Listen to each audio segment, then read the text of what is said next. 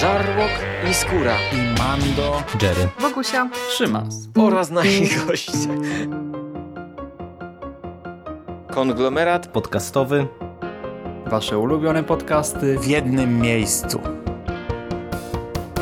Zapraszamy. Zapraszamy. Zapraszamy. zapraszamy. Zapraszamy!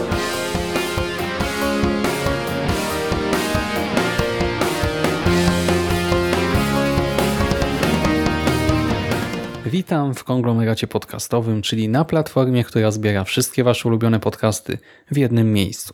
Po tej stronie mikrofonu Szymon Szymaś-Cieśliński. Cześć. I dziś chciałbym Wam opowiedzieć o drugim tomie komiksu napisanego przez Marka Oleksickiego i zilustrowanego przez Tobiasza Piątkowskiego, a mowa oczywiście o Bradlu, wydanym przez Egmont przy współpracy z Muzeum Powstania Warszawskiego. O samym projekcie, o jego genezie ja wspominałem już przy okazji recenzji tomu pierwszego i nie będę się powtarzał, jeżeli e, ktoś nie słuchał, no to odsyłam do tamtego nagrania, a dzisiaj chciałbym się skupić od razu na albumie drugim. Ponownie otwiera go wstęp, e, trzystronicowy wstęp w tym wypadku autorstwa doktora Andrzeja Zawistowskiego, i tym razem czytamy w nim o mnogości konspiracyjnych struktur e, wojskowych na terenie Polski. E, to jest o tym, kiedy i z czyjej inicjatywy zawiązywały się kolejne organizacje, e, czy stawały się częścią AK, czy działały niezależnie, w jakich okolicznościach działały, funkcjonowały, czy też w jakich okolicznościach kończyły działalność. I jest to tekst ciutkę inny niż w przypadku pierwszego tomu, bardziej skupiony na detalach, na właśnie nazwach, datach, tego typu rzeczach. W związku z tym wiadomo, jest minimalnie mniej przystępny, ale to nie znaczy, że staje się nagle nieprzystępny. Absolutnie nie. E, nadal właśnie pod kątem przystępności jest w pełni akceptowalny i też ponownie udało się uniknąć tego, czego ja się zawsze obawiam przy takich tekstach, czyli jakiejś takiej przesady, pompy, e, nadęcia. E, skupiono się całkowicie na faktach, tekst jest bardzo rzeczowy i no to warto podkreślić i docenić. Po nim, po tym wstępie przechodzimy do trzeciego zeszytu, bo jak pamiętacie, każdy album Bradla składa się z dwóch zeszytów i tutaj ten e, pierwszy z dwóch nosi tytuł Jaskinia Smoka, a jego zadaniem jest e, przede wszystkim przedstawienie nam historii Henryka Frączaka, znanego także jako Wujo. Wujo jest jednym z muszkieterów, jest członkiem tej organizacji, e, w ramach której działa także Bradl, także Kazimierz Leski. I my równolegle śledzimy, jak Wujo i Bradl próbują zwerbować informatora oraz obserwujemy retrospekcję, w której Wujo przed laty kiedyś tam został e, zmuszony przez niejakiego Persa do napadu rabunkowego. W zeszcie pojawia się też trzeci wątek, e, mianowicie powraca kwestia Helmuta Radke, a więc tego Niemca, który przy próbie dekonspiracji Leskiego został wyrzucony z okna i tym samym okaleczony. I Radkę e, teraz e, no, wrócił, do, znaczy wrócił do zdrowia, no po prostu opuścił szpital i zamierza się zemścić, zamierza wytropić Polaków, którzy zamienili go jakby nie patrzeć praktycznie we Frediego Krugera i w tym celu e, nasz Niemiec nie przebiera w środkach. Ten komiks, e, ten zeszyt e, zaskakuje pod każdym względem i to zaskakuje e, całkowicie pozytywnie. Byłem bardzo zaskoczony tym, jak dobrze się go czytało bo już sam koncept y, wydawał mi się taki niepewny, nie? no bo dlaczego nagle mamy się skupiać na przeszłości wuja? No ale właśnie to jest bardzo ciekawe już przez sam wzgląd, że y, wujo nie jest krystalicznie czysty. To jest postać jakoś tam wyidealizowana w tym komiksie, pamiętajcie, to jest historia bardziej gatunkowo zainspirowana prawdziwą historią, ale to nie jest komiks historyczny mający w 100% oddać realia i każdy jeden detal, szczegół. Y, no i wujo jest mężczyzną, który wcześniej wcześniej był prawdopodobnie po prostu bandziorem, nie wiadomo przez jaki czas, nie wiadomo czego się dopuścił, ale ma swoje na sumieniu, y, przy czym y, zmienił się. I co jest też istotne, to nie jest tak, że wojna go odmieniła per se, że nagle teraz stał się dobry och, bo to by było naiwne, kiczowate wręcz, y, tylko po prostu w którymś momencie postanowił się ustatkować, co też jakoś tam jest no, szerzej opisane tutaj w tym komiksie. I aktualnie no jest właśnie członkiem konspiracji, działa dla dobra e, państwa, narodu, no i też dla własnej wolności, tak żeby odzyskać własną wolność, no bo bez wolnego kraju wolność prywatna, osobista też nie istnieje. I to jest super, ale Wiecie, sama ta fabułka to jedno, ale konstrukcja, sposób narracji to jest prawdziwa bomba w tym wypadku, bo chociaż śledzimy trzy wątki prowadzone na dwóch płaszczyznach czasowych, a pamiętajcie, że te albumy nie są jakoś szczególnie grube, więc ten zeszyt to jest, nie wiem, jedna trzecia albumu powiedzmy, może troszkę więcej. I mimo tego, że to są właśnie trzy wątki na dwóch płaszczyznach czasowych, to w niczym się nie gubimy.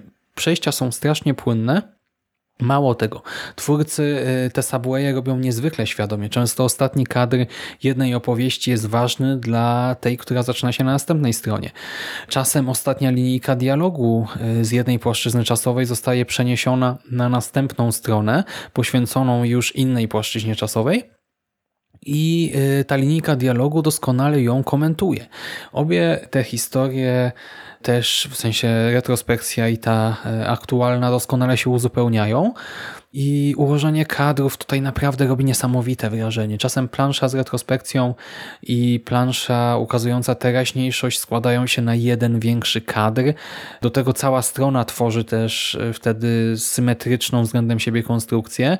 Zresztą Piątkowski tutaj w tym zeszycie kilkukrotnie wykorzystuje symetrię, bawi się nią, e, komponując kolejne panele i to też nie zawsze jest, e, wiecie, ta oś symetrii nie zawsze przebiega na środku strony, czy to nie jest tak, że ona musi łączyć stronę, ona jest w różnych miejscach.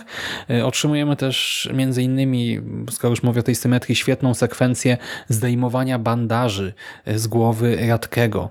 Wiecie, ten Niemiec jest strasznie okaleczony, siedzi przed lustrem i my widzimy e, jego twarz, bok jego twarzy tak e, przed lustrem i w tym lustrze i to robi niesamowite wrażenie. Wygląda no naprawdę jak scena z horroru, e, a do tego jeszcze mamy też masę takich sekwencji dynamicznych, naprawdę też świetnie rozrysowanych, nie wiem, finał wątku Persa, czy ucieczka przed łapanką. No to ja sobie to wyobrażam dosłownie jako sceny w serialu, czy w filmie aktorskim oczywiście. Y, do tego cały ten zeszyt opiera się na kontrastach, zarówno fabularnie, jak i formalnie.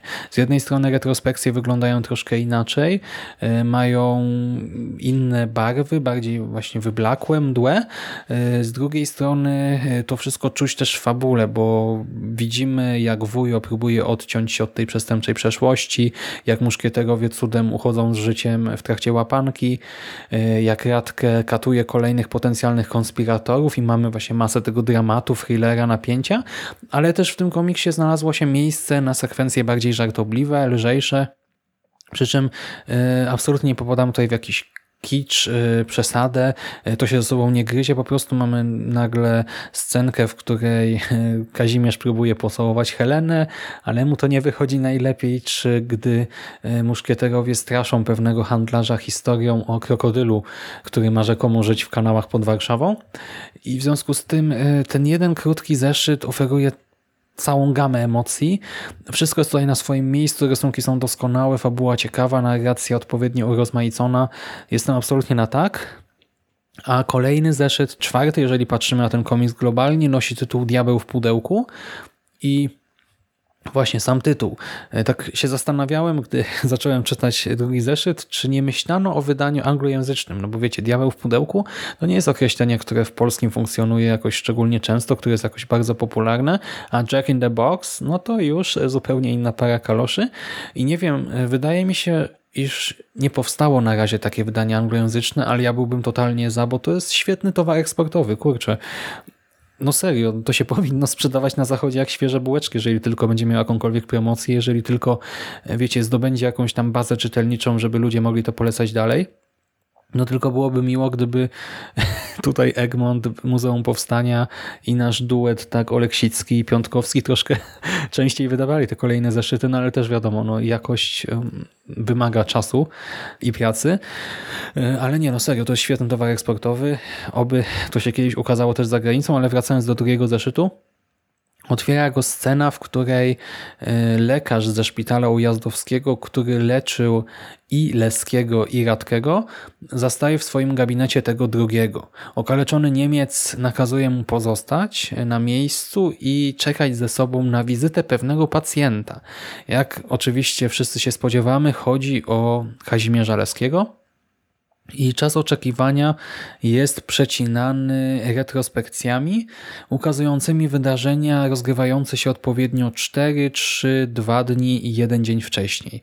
Czyli widzimy teraźniejszość, wydarzenia 4 dni wcześniej, teraźniejszość, wydarzenia 3 dni wcześniej i tak się zbliżamy do ostatecznej konfrontacji i w tej przeszłości obserwujemy innymi ostatnią wielką imprezę u Lardelego, w trakcie której śpiewa Mieczysław Fok. Znowu świetny smaczek. Zobaczymy też innymi proces ukrywania pewnych poufnych dokumentów, no i kilka innych rzeczy. I znowu to wszystko zostało świetnie zaprojektowane. Te przeskoki między teraźniejszością a przeszłością doskonale budują napięcie i zupełnie zmieniają odbiór różnych sekwencji, bo my wiemy, że całość prawdopodobnie doprowadzi do konfrontacji między Radkiem a Leskim, a nawet jeśli nie między nimi dwoma, to ta sytuacja musi eskalować. Tak? To jest bomba, która tyka i tutaj no, musi dojść do jakiegoś wybuchu. I dlatego, gdy na przykład y, akcja przenosi się te cztery dni wstecz i widzimy, jak nasz konspirator sobie beztrosko y, flirtuje na imprezie, no to to wywołuje w nas zupełnie inne emocje niż w przypadku braku tego kontekstu. Y, do tego naprawdę czuć tutaj ten upływający czas, zbliżający się finał sprawy.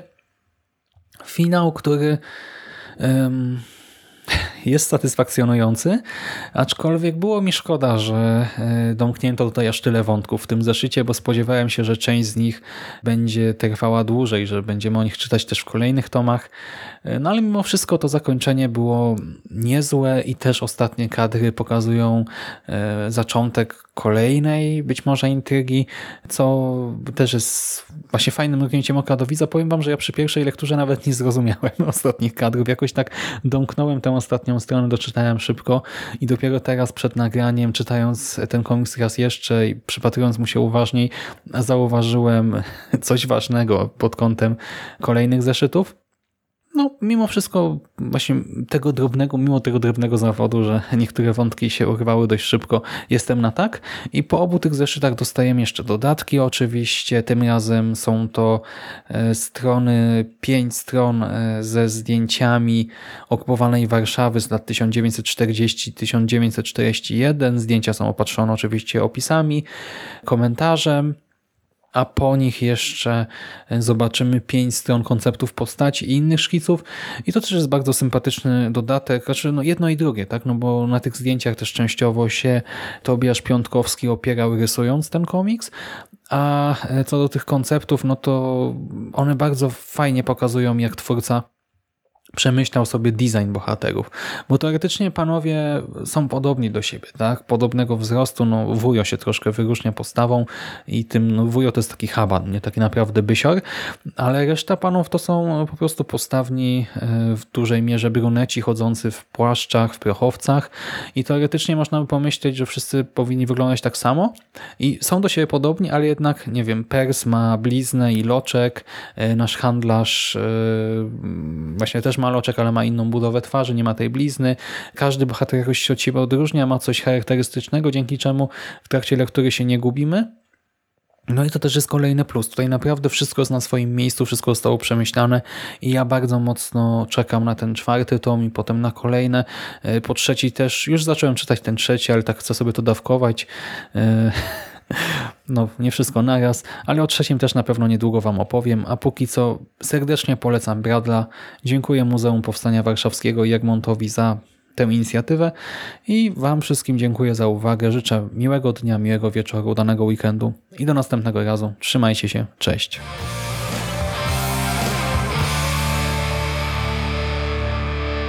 You finished? That's it, man. Game over, man. It's game over. What the fuck are we gonna do now? What are we gonna do? It's over. Nothing is over! Nothing! You just don't turn it off!